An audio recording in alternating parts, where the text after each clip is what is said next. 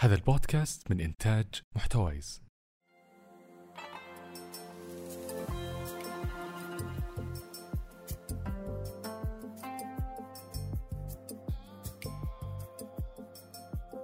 أهلا وسهلا. أنا منى من ظرف مكان. المكان ظرف مؤقت ممكن نغيره وممكن يغيرنا. المهم أنه دائما لنا معه قصة. هنا بنتكلم عن الأماكن اللي زرناها والأحداث اللي مرينا فيها والقصص اللي نحلم بيوم من الأيام أننا نرويها.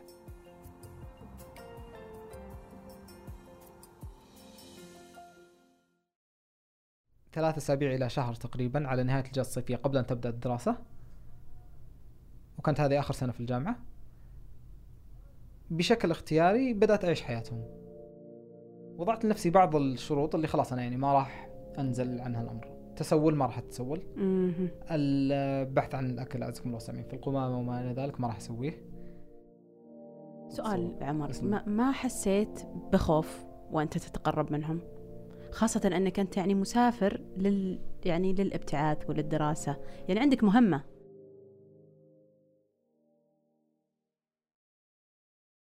ستيف مشرد.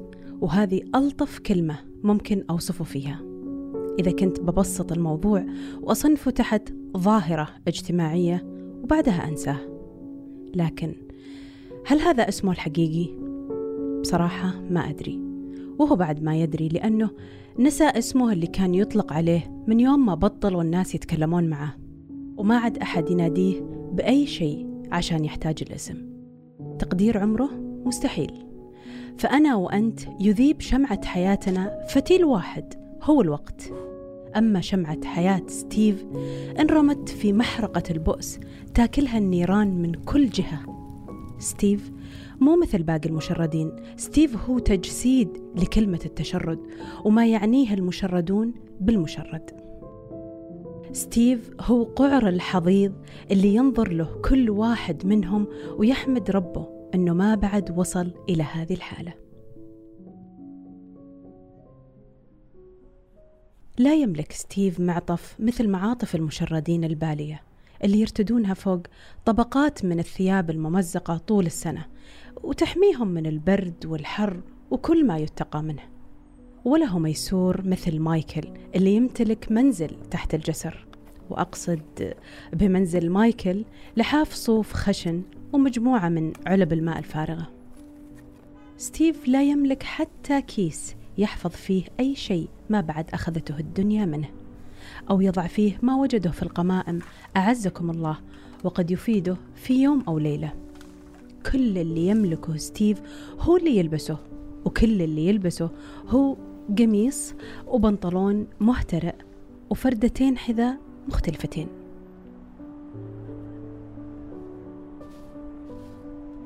أمر كل يوم وأشوفه بنفس مكانه. من أمس ما تحرك ولا شبر. لدرجة ممكن اللي يشوفه يحسبه ملصق أو رسم على الجدار اللي خلفه. ستيف ما يمسك معه ورقة أو قطعة كرتون يشرح فيها مآسي حياته. لا ولا يستجدي المال. ولا يحاول استدرار عطف المارين بنظرات البؤس على أمل يعطف عليه أحد ويمد له شيء يسد جوعه. كل اللي يسويه ستيف هو الاستلقاء في مكانه والنوم. النوم الطويل. وش يرتجي من الوعي؟ في السابق كان يمني نفسه بأن الموت يزوره ويريحه من اللي هو فيه. لكنه الآن آمن أن حتى الموت تخلى عنه زي ما بقية العالم تخلوا عنه. وما راح يعطف عليه حتى بهذه الزيارة. لذلك صار يريح نفسه بنوم مستمر وبدون أحلام. في الأحلام ترف لي ولك مو لستيف لأن عقله أشفق عليه وتوقف عن تعذيبه بتصوير أشياء عمره ما راح يملكها.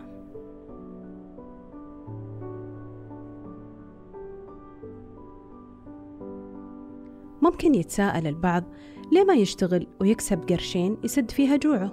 صحيح في الماضي كان هذا حلم من أحلامه لكنه اكتشف أنه غرق في دوامة ما يقدر يطلع منها. وما أحد عنده نية يوظف مشرد. هالدوامة اللي دخل فيها أنهكته تماما لدرجة أنه ما عاد يصلح لأي وظيفة حتى لو افترضنا جدلا أنه بيلقى من يوظفه. بهذا الشكل تمضي حياة ستيف يتجاهلها يتناساها وكل اللي يسويه هو انتظار نهايتها.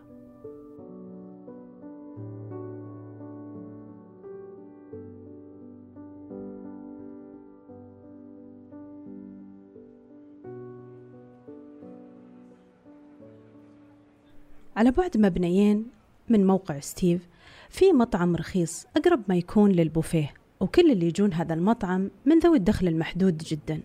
أمر عليه في طريقي للجامعة كل يوم لمحته هذاك اليوم بطرف عيني وكملت طريقي. فجأة شفت ستيف يمشي مسرع باتجاه المطعم ويسحب ساقه اليسرى وراه.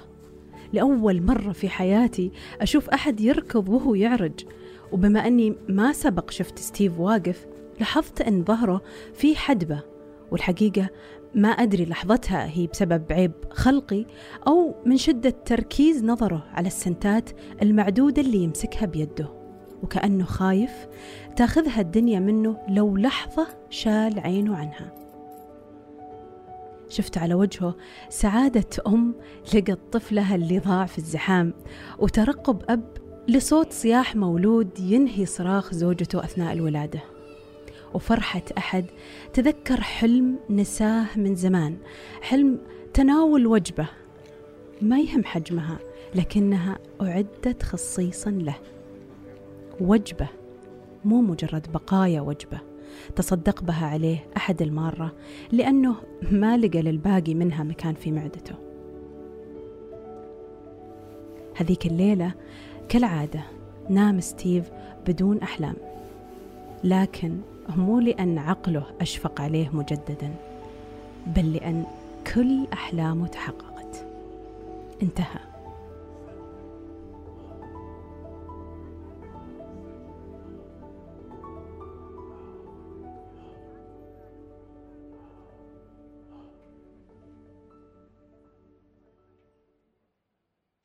كتب النص عمر الصغير. عمر كان طالب جامعي سافر للدراسة في مدينة سياتل بالولايات المتحدة الأمريكية وكان هذا المشهد وغيره من المشاهد المشابهة يتكرر عليه بشكل يومي يتأثر ويتعثر بها في طريقه من وإلى الجامعة. وبالرغم من أن هالمشاهد أصبحت جزء من يومه وواقعه في الغربة إلا أنه ما قدر يتجاهلها أو يعتاد عليها.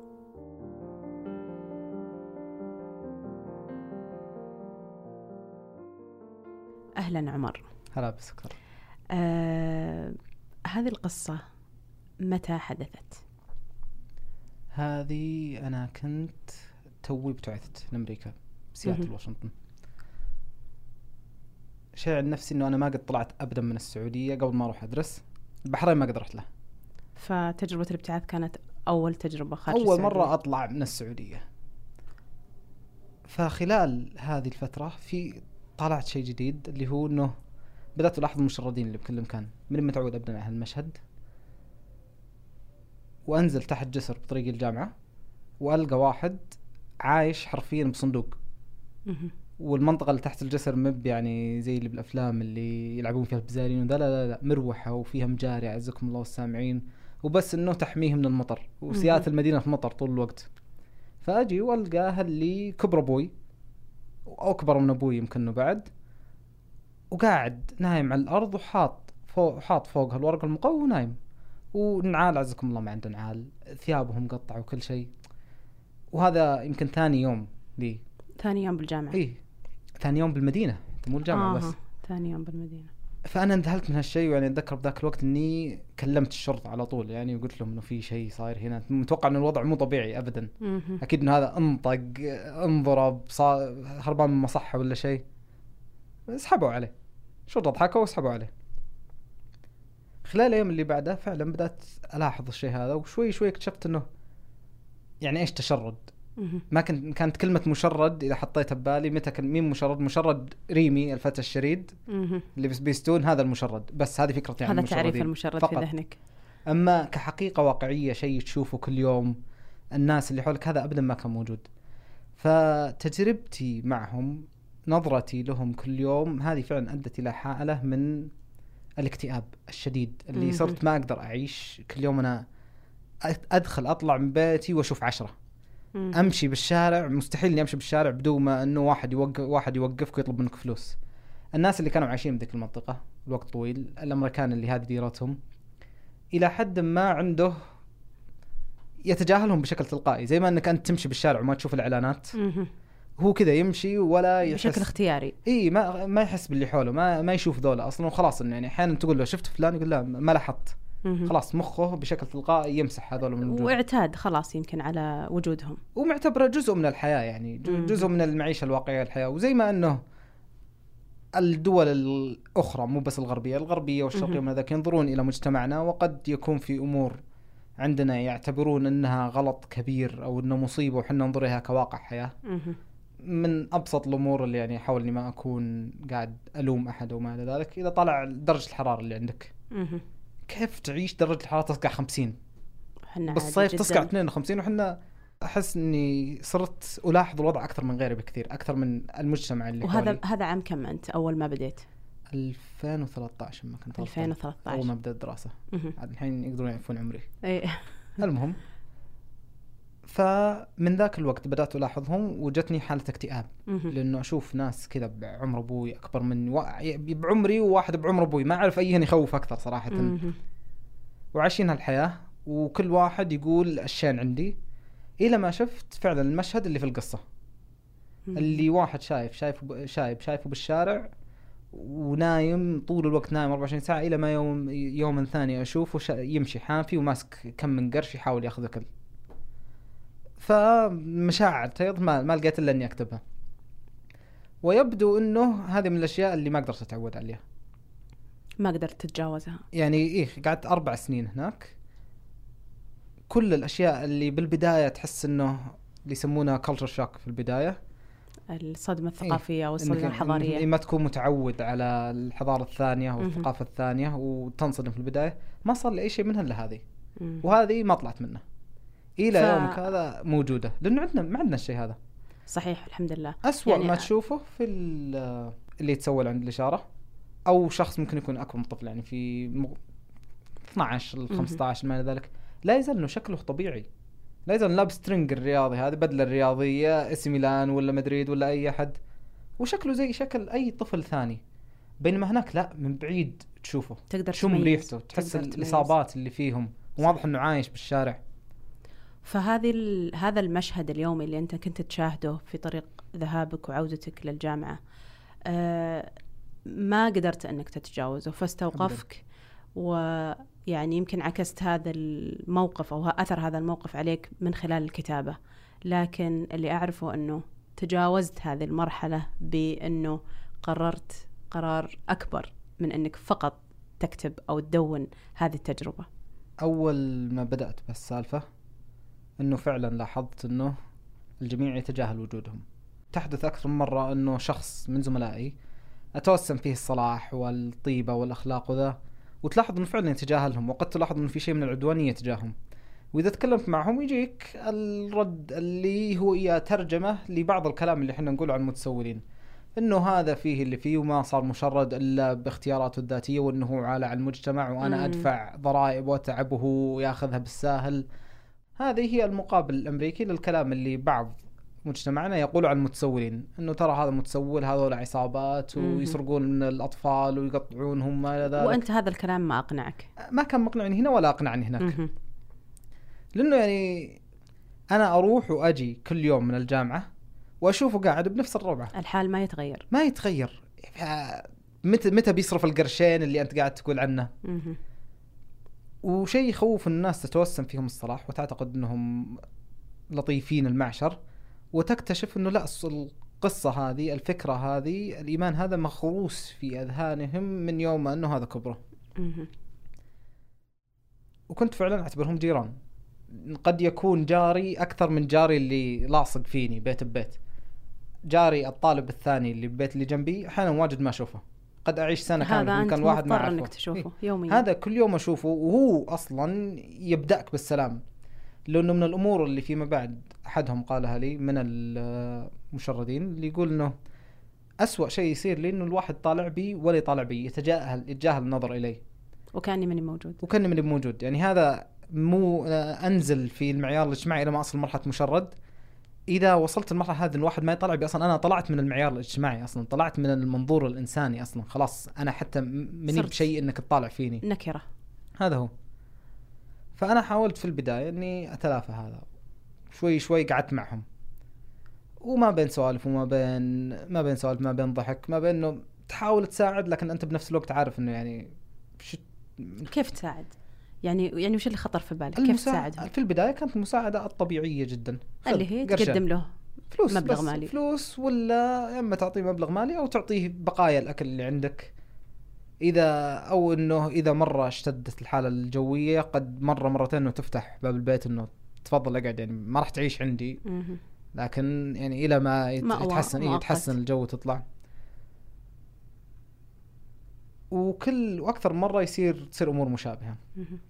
بس مع الوقت يعني الجزء العقلاني منك يعرف إنك أنت ما أنت قاعد تغير واجد يعرف إنه الريال ريالين الدولار دولارين اللي تعطيه ما راح ما راح يغير شيء يعني هذا بس بيخليه يلقى أكل وموية لذاك اليوم والموية والأكل ترى آخر همهم الموية مم. مجانية بكل مكان أسهل صحيح، ما يلقى الواحد الموية. إيه. تدخل ستاربكس ستاربكس دائما تدخل صح. موية ببلاش صح الطعام معا قد يكون أصعب من الماء لكن لا يزال آه، آخر الحل الأخير إنك تروح عزك الله إلى آخر اليوم تروح إلى بعض القمائم المعروفة وتلقى فيها أكل. المشكلة الكبرى في المأوى، المشكلة اللي أكبر منها في التعامل مع الناس. يعني الشخص اللي يتجاهل وجود المشردين هذا اللي يعتبر اللي فعل بهم خير. لأنه في عدد لا بأس به خصوصا إنك أنت في منطقة جامعية. المنطقة الجامعية يكثر فيها الطلاب اللي بالسن الجامعي اللي جزء كبير منهم توه يعيش لحاله تو بدا يكبر تو بدا ينبت له دماغ وعنده الحرية الجديدة ذي اللي ما يعرف ما يعرف إيش يسوي به وبما أنه يعني نظام أمريكي يعني ففيه اللي يشرب منهم وما إلى ذلك فيحدث حالات كثيرة من الاعتداء على المشردين. من قبل طلبة الجامعة خصوصا ال fraternities اللي هي أعتقد الأندية الطلابية مهم. الذكورية مو مو نادي طلابي قد ما هو شبابي يعني. مجموعة شباب مجموعة شباب يقررون يعيشون بعض ولهم تاريخهم ولهم قصتهم الأخرى. يعني مشهورين بالسوء في تو... فإذا هذول هذول الناس موقفهم سلبي م- يعني صحيح. تجاه المشردين. صحيح. ف يعني هذا اللي خلاك إنه تشعر بمسؤولية تجاههم خلينا نقول؟ أعتقد إن اللي جعلني أشعر بمسؤولية اللي هو المفروض أن يكون في أنا أعتقد أو ال... مو أنا أعتقد أنا أعتقد إنه الدين أنا الإسلامي كإنسان. ديني الإسلامي وإنسانيتي تحتم علي إنه عندك مسؤولية تجاه كل شخص بالضبط. تشوفه قدامك وهذا يتضمن المشرد أكثر من غيره لأنه هو في حالة عجز في حالة مم. ضعف فإذا أنت الحين إذا أنت الحين تمر برايح جاي وهو على حطته الرسول صلى الله عليه وسلم الحديث بما معناه إنه ينهى عن إنه ينام الرجل وجار نائم وجاره جائع. وهذا في حكم جاري. إذا كان أوصى بسابع جا جار اللي نام عند عتبة باب بيتي هذا أولى بالجيرة من شخص على بعد آه، سبع بيوت. صحيح. وحتى في تراث الإسلام أهل الصف أهل الصفة اللي كانوا ينامون بالمسجد. كانوا فعلا مشردين بكل معنى الكلمة. وكان الرسول صلى الله عليه وسلم يحث الصحابة على مساعدتهم. فيعني سواء من ناحية التراث الإسلامي أو الدين الإسلامي أو من ناحية التراث الإنساني أنا أعتبر إنه هذه مسؤوليتي هذا مطالب مني. إذا سويته فهذا تكليف وليس تشريف إيه أو وليس أني يعني قاعد أنا مت- متشرف إيه. يعني متعطف عليهم ولا؟ يعني أنت إذا مديت له الدولارين أنت تعتذر إنك ما أنت بقاعد تمد له أكثر مو تقول له احمد ربك إني ماد لك هالدولارين. فخلال هذه المرحلة اقتربت منهم أكثر وكل شوي تبدأ تتعلم أنه فيه مجتمع أكبر لهم. مما أنت سؤال تتصور. عمر. ما, ما حسيت بخوف وأنت تتقرب منهم خاصة إنك أنت يعني مسافر لل يعني للابتعاث وللدراسة يعني عندك مهمة من ناحية الدراسة ما أرى ولا ما كنت أرى ولا أزال ما أرى أنه في أي تعارض. لأنه لا يزال أعتبره صديق زي أي صديق آخر زي ما أنت بتروح تمضي ساعة ساعتين ثلاثة مع صديقك اللي قابلته في ال- آه، في الجامعة هذا نفس الشيء ساعة ساعتين ثلاثة. ما ما في أي فرق من ناحية الوقت الضائع من حياتك. لكن نوعية التجربة مختلفة. إيه. في النهاية يا إما إنك بتضيع وقت مع زميلك ثلاث ساعات تشوفون فيلم. ولا إنك تضيع ثلاث ساعات مع هذا ايا كان. تتفهم حياة صحيح شخص. وفي النهاية ولا واحد منهم إلى حد ما ولا واحد منهم مدد مهمتك كجامعي. ما ولا واحد منهم زودك درجات ولا أي شيء. ناحيه الأذى الجسدي هذه أعتقد إنه كنت محظوظ. إني أول ما رحت ما كان عندي أي فكرة عن المشردين وحرفيا. زي ما قلت أنا لا أمزح بتاتا إذا قلت انه. فكرتي عن المشردين هي عهد الأصدقاء ومنظفو المداخن اللي هناك وريمي وما إلى ذاك فالفكرة إلى حد ما فكرة كراتين جديدة. و تماما فما كانت عندي التغليف السلبي اللي هم انهم هذول حاقين مخدرات. هذول حقين عصابات خف منهم وما إلى ذلك فأنا كنت أتعلم أو أتق- أتقبل أو أستقبل بدون ما أتقبل النظرة السلبية هذه إنهم حقين مخدرات وهذا بينما أنا بنفس الوقت قاعد أقابلهم شخصيا. فالأمرين هذول كانوا يصيرون بنفس الوقت. فكل ما يجيني الفكرة السلبية من المجتمع الخارجي انه هذا حق مخدرات وذا أقول لا أنا عارف يعني عايش بينهم الحين. كل في يوم في تغذية عندك من. الجهة الأخرى. صحيح. يعني زي الفرق بين اللي أنت الحين سعودي ومسلمين إحنا أنا وأنتي عايشين هنا. انت تجيك الفكرة السلبية عن المسلمين. المسلمين إرهابيين وما إلى ذلك. ولا تؤثر فيك ولا تؤمن أنت بهذه الفكرة. ليش؟ لأنه أنت تربت عندك الدين الإسلامي بحقيقته قبل ما أنه تبدأ تطلع على الفكرة السلبية الخارجية مهم. عن الدين الإسلامي. أو أنهم في أسوأ الأحوال قاعدين يصيرون بنفس الوقت. أنه أنت قاعد تتربى على دين إسلامي وتسمع أفكار تقارنها بالحقيقة اللي أنت تعيشها وتكون مختلفة. أنا نفس الشيء. أنا كنت أقارن كنت أعيش معهم وأزاملهم على الأقل ما بدأت أعيش معهم حتى الآن وبنفس الوقت شوي شوي أتعلم النظرة السلبية الاجتماعية لهم. والشيء هذول كانوا يجون مع بعض أو حتى يمكن انه الصداقة تسبق هذا فما أدت إلى أنه فيه خوف من الأذى الجسدي لأني شفتهم يؤذون أكثر من شفتهم يأذون الناس مم. فأنت بنفس الوقت كنت قادر على تجربة الفكرة اللي قاعدة تجيك وتقييمها ويا أما أنك تعتمدها ك- كفكرة أساسية عندك في. ذهنك أو أنك ترفضها. صحيح. تمام. وش المرحلة اللي جت بعد هذه؟ المرحلة الأولى قبل هي مرحلة الفهم. مهم. اللي تفهم نقص فهمك عنه. تفهم إنه في كلمة بالإنجليزي في قاموس اسمه ذا Dictionary of Obscure Feeling. مشروع بسيط على الإنترنت صاحبه يحاول إنه يخترع كلمات جديدة مهم. حتى غلط يمكن إني قلت انها كلمة إنجليزية هذه كلمة مخترعة مهم. ما له أي أصل من أي لغة تعني الشعور الغريب اللي تحس فيه إذا استوعبت إنه كل شخص حولك بالحياة مهم. عنده أفكار وعالم بمدى تعقيد وأفكارك، مدى تعقيد عالمك وأفكارك. صعب جدا إنك تس- تستوعب هذا، في البداية تتصور إنه هذا اشوفه بالزاوية اي خلاص هذا عايش بالزاوية. منى طريف اي هذه بس عايشة داخل با- Penguin Club وبس ما لا أي شيء ثاني. نطلع من هنا تختفي. العالم يتمحور حول العمر وبس. فإذا حاولت إنك تستوعب هذا كل ما تصل إلى مرحلة من الدهشة والعجز إلى حد ما اللي يسمونه sonder S O N D E R اللي يبغى يبحث عنها فهذه أول مرحلة إنك تكتشف إنه عالمهم له قوانين وله بعد قد عالمك وقد يكون أكبر فمثلا اكتشفت إنه المشردين اللي عايشين في المنطقة الواحدة هذه حول الجامعة. لهم شيخ لهم رئيس من بينهم. ينتخبونه ويتحاكمون إليه وإذا اثنين تهاوشوا يروحون له وهو يحكم بينهم ولهم أسلوب مساعدة إنه يحاول على أي أساس يختارون الشيخ يعني هل هم يختارونه ولا هو ينصب نفسه ولا والله ال- خلال أول سنة كنت هناك كان مختار بالأقدمية كان هو أقدم واحد وأصلاً- واحد بالمكان بالمنطقة. في المنطقة. واصلا هو أصلا شكله فعلا شكل شيخ صراحة. اللحية إلى نص خصره ماسك عصا. صورة نمطية. عصا وعنده جمجمة على هذه على خوذته. أوه. فيعني ما أدري الشكل جاء بعد المشيخة ولا المشيخة اشتقت من الشكل لكن يعني إذا قالوا إنه عندنا شيخ يقول هو هذا هذاك؟ هو، تقدر. تميزه من إيه، شكله. من بعيد تعرف.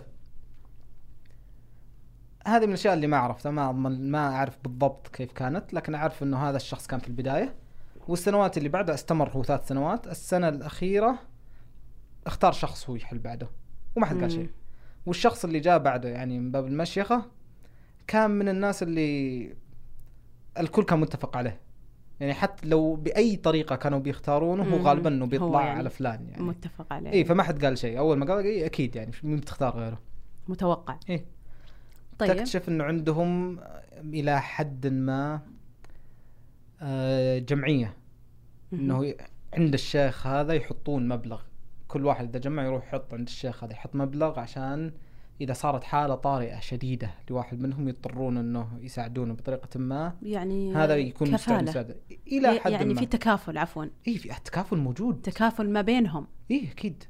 يعني كم استغرق استغرق منك وقت عشان تجمع هذه المعلومات أو أو يعني تكون هذا التصور عندك عن حياتهم ومجتمعهم.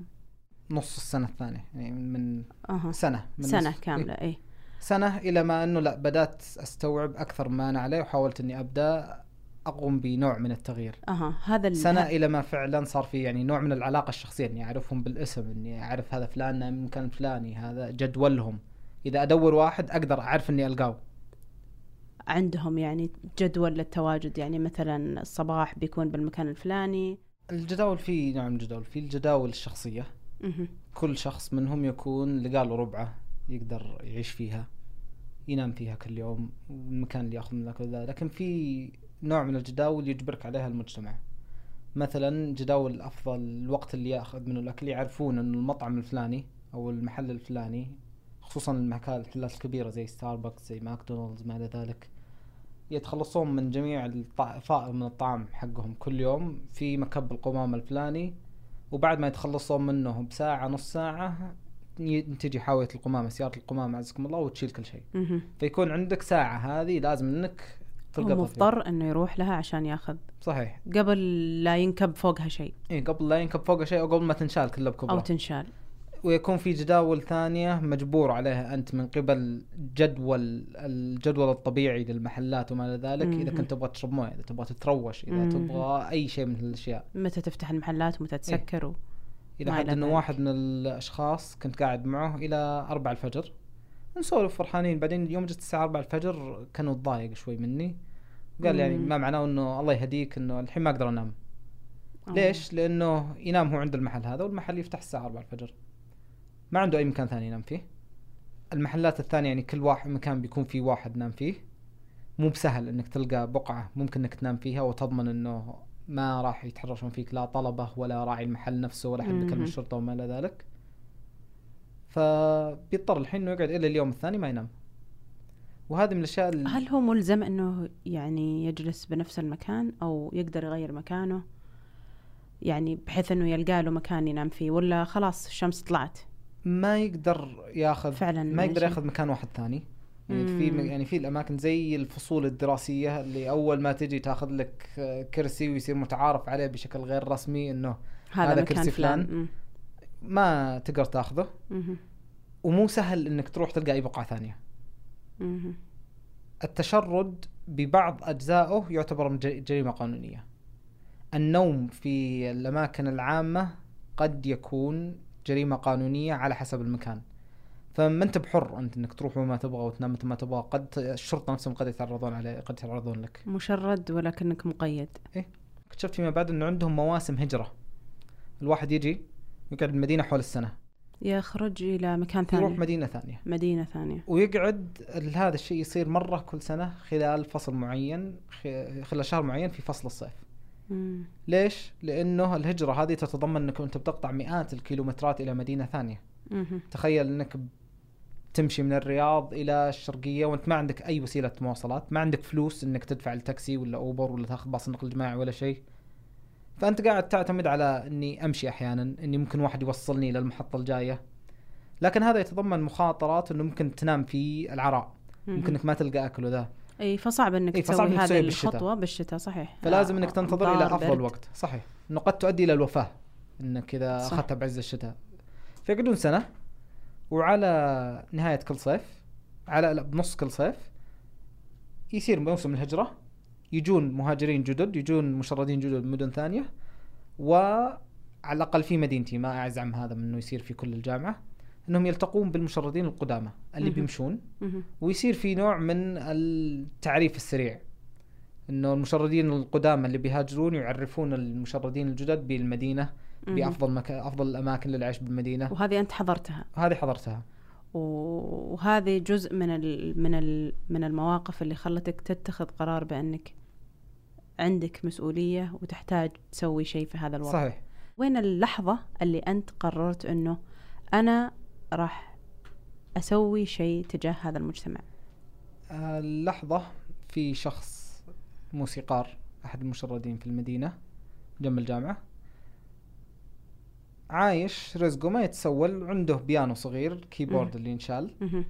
ويعزف موسيقى بالشارع والناس يعطونه وعايشين معه عنده مسيكين يعني من الناس اللي كانوا اقتربوا جدا من إنه يقدر إنه يبدأ له حياة جديدة مهم. لأنه كم من سياسه المدينة موسيقية إلى حد بعيد مم. ففي ف- تقدير اي للموسيقى فأكثر من آه، مطعم مثلا عزموه إنه تعال اشتغل عندنا وشوي شوي بدأ ما أدري ولا أجي ذاك اليوم وألقى الكيبورد حقه مكسر وهو بالزاوية قاعد يصيح وواضح إنه انطق هو بعد مم. وش بك ما وش بك يقول جاء طالب طالب من فتوة الجامعة. من الجامعة. آخر الليل ويمكن إنه كان فاقد بعد. وطقه وكسر هذا ومشى. أذية خالصة لوجه الله فقط لا غير. لوجه الشيطان هذه. و... صحيح.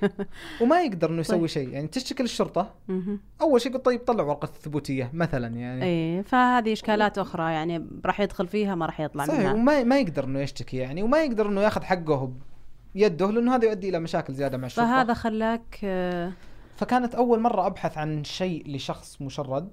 غير المال والطعام والمأوى مهم. وبدأت أدور بالربع أدور له عن بيانو لأنه فعلا بديل. إيه لأنه فعلا عنده يعني عروض بيقدمها بعدين وهذه قد يعني تؤدي إلى أنه يهرب من يخسر التشرد. يخسر المصدر الوحيد اللي كان صحيح دورت بين ربعي وما لقيت أي بيانو لكن في النهاية كان عندي notebook اللي زي اللابتوب. وحملت عليه برنامج يساعده على عزف البيانو بال notebook وأعطيته. كان notebook رخيص أصلا يعني ما كلف شيء الحمد لله. فبيانو افتراضي خلينا نقول. ومشى عليه فترة. أصدقائي اللي قلت لهم عن السالفة اللي سألتهم هل عندك بيانو كلهم طبعا سألوني إنه ليه تبي بيانو فشرحت لهم السالفة. فمجموعة منهم اجتمعنا سوا قالوا وتأثروا بالقصة وقالوا لازم نبي نسوي شيء. فبدأنا جمعيا نحاول إنه نوفر للمشردين أي شيء يحتاجونه غير الماء والطعام والمأوى. وإحدى الأمور اللي كنا نحاول نسويها إنه الطلبة على آخر كل سنة كل الطلاب اللي يتخرجون خصوصا الطلاب اللي جاي من دول ثانية أو مناطق ثانية يبغى يتخلص من كل الأغراض اللي عنده.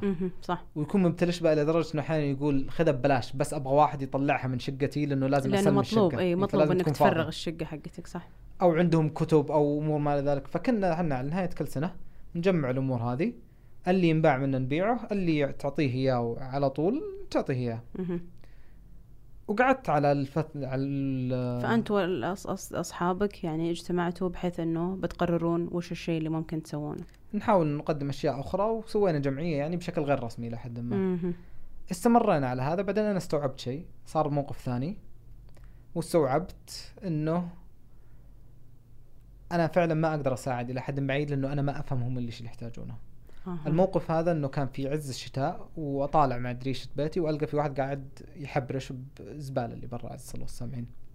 وأروح وألقى واحدة مشردة هارلي. وش عندك تقول إنه أدور عن أي ورق مقوى. صناديق الورق المقوى أدور عنه. ليش؟ تقول إنه ما تقدر إنك تنام أنت على الأرض على طول في هذا الجو. إذا نمت على الأرض على طول الأرض تمتص حرارتك إي بالشتاء. تمتص حرارتك وستتوفى. حرفيا وتقول إنه أو الشيء اللي كان يخوف أكثر باللي قالته إنه هذه واضح إنها امرأة غير متعلمة.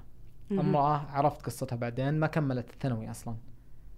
ومع ذلك تعرف هالشيء. ليش؟ هذا يعني وبكل وضوح إنه شافت الشيء يصير قدامه. مم. وفعلا في النهاية عرفت إنه مات يعني أكثر من واحد من قدامه. تجربة. من تجربة إنه إذا الواحد نام على الأرض في عز الشتاء بدون ما يكون واقي بينه وبين الأرض سيتوفى من البرودة. فهذا اللي خلاني أول مرة استوعب إنه لا لا أنا فعلا ماني فاهم لم هذا. أفهم بعد ابدا أنا كنت ماخذ بنفسي مقلب إلى حد ما خلال ذاك الوقت جنب الجامعة طلع لك واحد فجأة ذيك السنة أو ذاك الربع من السنة طلع ما يتسول ولا شيء لكن حاط قدامه لوحة مكتوب لا تعطيني فلوس اسألني عن التنوير اسألني عن فهم الحياة وما إلى ذلك. وكل يوم تتغير اللوحة لكنها حول نفس المعنى دائما. اسألني عن أي شيء اسألني عن الحياة اسألني عن المحبة. كان أبو عيال ومتزوج وعياله أتوقع إنهم كانوا في عمري بذاك الوقت. ومتبحر في الفلسفة متبحر في الدراسات الدينية وما إلى ذلك. وبعدين جاته لحظة قرر إنه يتشرد اختياريا. لأنه يبحث عن التنوير يبحث عن الوصول إلى حقيقة الحياة. ف لا أقول إنه الشخص هذا أقنعني بأفكاره. مع إنه ولكن- مع إنه شخص طيب جدا. لكنه هو أول من وضع فكرة إنه فعلا عشان تفهم الوضع هذا تضطر إنك تعيشه. وهذا أدى لإنه ب ثلاثة أسابيع إلى شهر تقريبا على نهاية الاجازه الصيفية قبل أن تبدأ الدراسة. وكانت هذه آخر سنة في الجامعة. بشكل اختياري بدأت أعيش حياتهم. طبعا قبل ما أتعمق في الموضوع لا أزعم إني أنا عشت حياتهم تماما. لا أزعم إني عارف التجربة تماما لأنه أبسط شيء إنه مفتاح بيتي كان بجيبي. فأنا دائما عارف إنه إذا ساءت الأحوال أقدر أروح لبيتي. فما أصل إلى درجة الخوف والذعر والمشاكل اللي هم. يصلون لأنه أنا عندي باراشوت أنا طبيت من الباراشوت وهو طبوا على راسهم كذا. بجامتهم متى ما احتجته راح تفتحه صحيح. ما فتحته.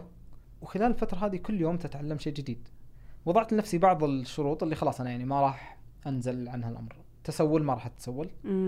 البحث عن الأكل اعزكم الله سامعين في القمامة وما إلى ذلك ما راح أسويه لأنه جزء منه جزء يعني عزة نفس وما إلى ذلك الجزء الثاني أخلاقي من ناحية الآخرين إنه الريال اللي أنا أخذته.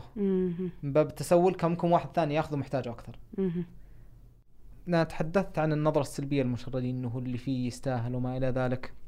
ما كانت عندي النظرة هذه كلها لكن كان فيه جزء من النظرات إنه لا اللي في المخدرات هذا غلطان ويستاهل اللي فيه واللي مو يستاهل فيه قد ما إنه لا غلط. ولو أنا مكانه ما راح أطيح في الأمور هذه. إذا واحد فيه نوع من الحكم على الشخص. الحكم صحيح.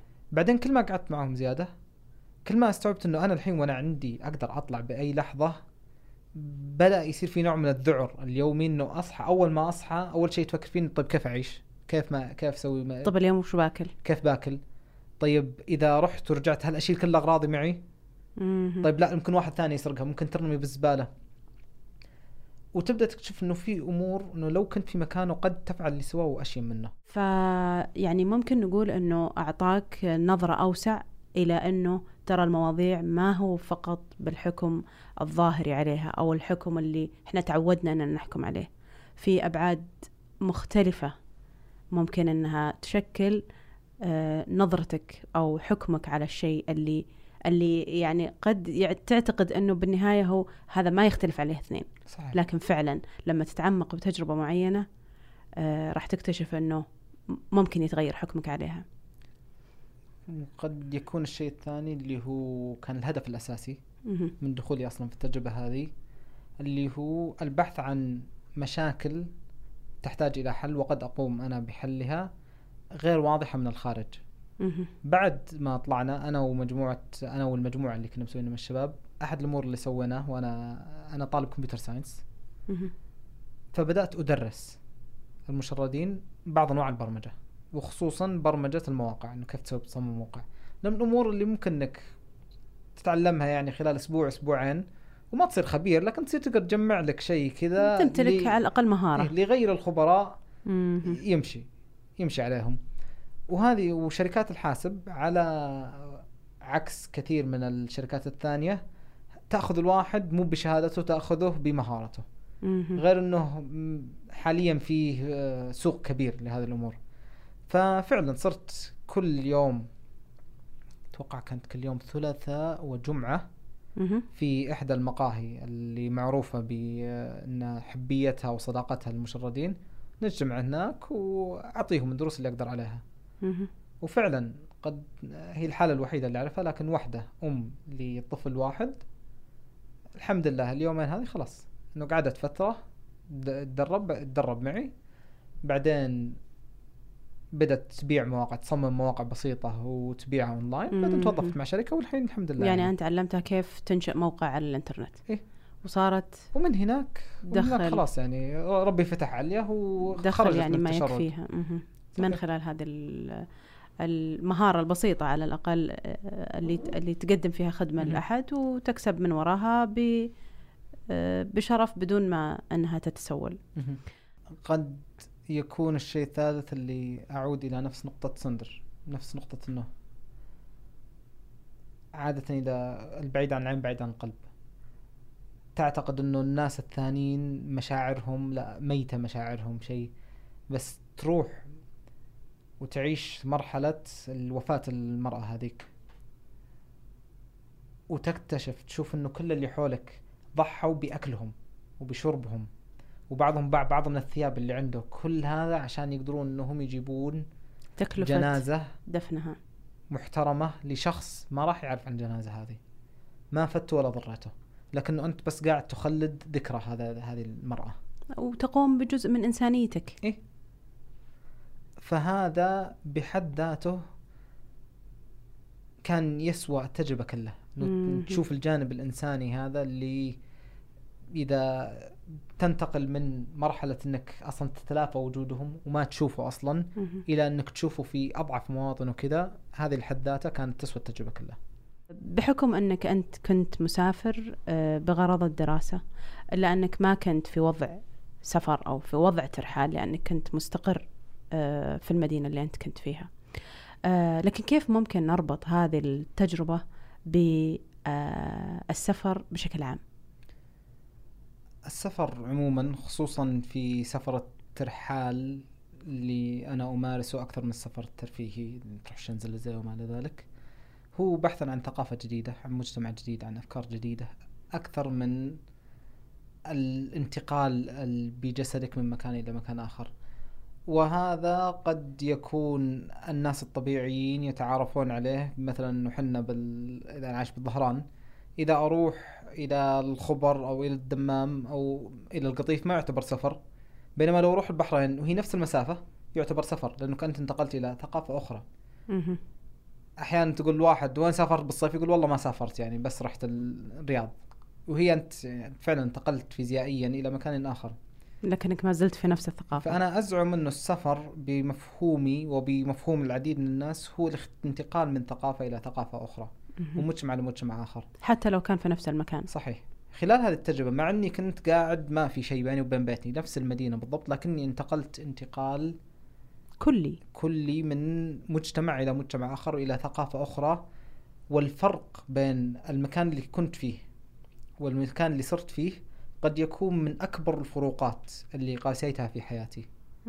أكثر من فرو... الانتقال من من دولة إلى دولة أخرى أو من. دولة إلى نص غابات الأمازون ولا صحراء الربع الخالي. الانتقال لهذا المجتمع قد يكون أسوأ منه أو الفرق يعني. مم. أكبر. أكبر.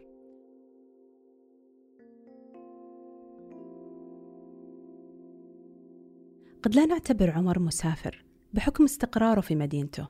وهذا اللي أنا شخصيا كنت أعتقده عن السفر أني لازم أغير مكاني فيزيائيا عشان أدخل في حكم السفر. لكن يبدو أن نظرتي كانت شوي محدودة. عمر بتجربته الفريدة ومن خلال الملاحظة والتأمل والمحاولات الحثيثة اللي سواها للفهم سافر من مكانه إلى حياة شخص آخر أو بالأصح مجتمع آخر. وسع نظرتي إلى أن الانتقال من ثقافة إلى ثقافة وعيش حياة أخرى بعيدة بظروفها عن الحياة اللي كنت أعيشها هو أشبه بالسفر. خاصة إذا كان فيها من المشقة والتعب ما يجعل مفهوم السفر أقرب لها من الاستقرار. ما عاشه عمر في هذه التجربة هو بالضبط ما نستعيذ بالله منه لما نبدأ أي رحلة. هو بالضبط وعثاء السفر وكآبة المنظر. عمر غير ظرف المكان وسافر إلى عالم مختلف كليا عن عالمه في نفس المكان. وهذا الشيء ساعده على اكتشاف جانب من نفسه ما كان يعرفه وعطى فرصة لإنسانيته إنها تغير ولو شيء بسيط لجعل هذا العالم أفضل. أنا وعمر لا ننصح بخوض مثل هذه التجربة لأنها تنطوي على مخاطر كثيرة. يكفي أن ناخذ منها المفيد. أتمنى أن هذه الحلقة أضافت لكم شيء من المعرفة عن مجتمع يعيش أفراده معنا على نفس الكوكب لكن تصنيفهم ما يندرج تحت اسم دولة معينة نقدر نزورها أو نتعرف على شعبها وثقافتها فقط لأنهم أقل حظاً. يسعدني تشاركون بتعليقاتكم وردودكم في تويتر على هاشتاج بودكاست ظرف مكان.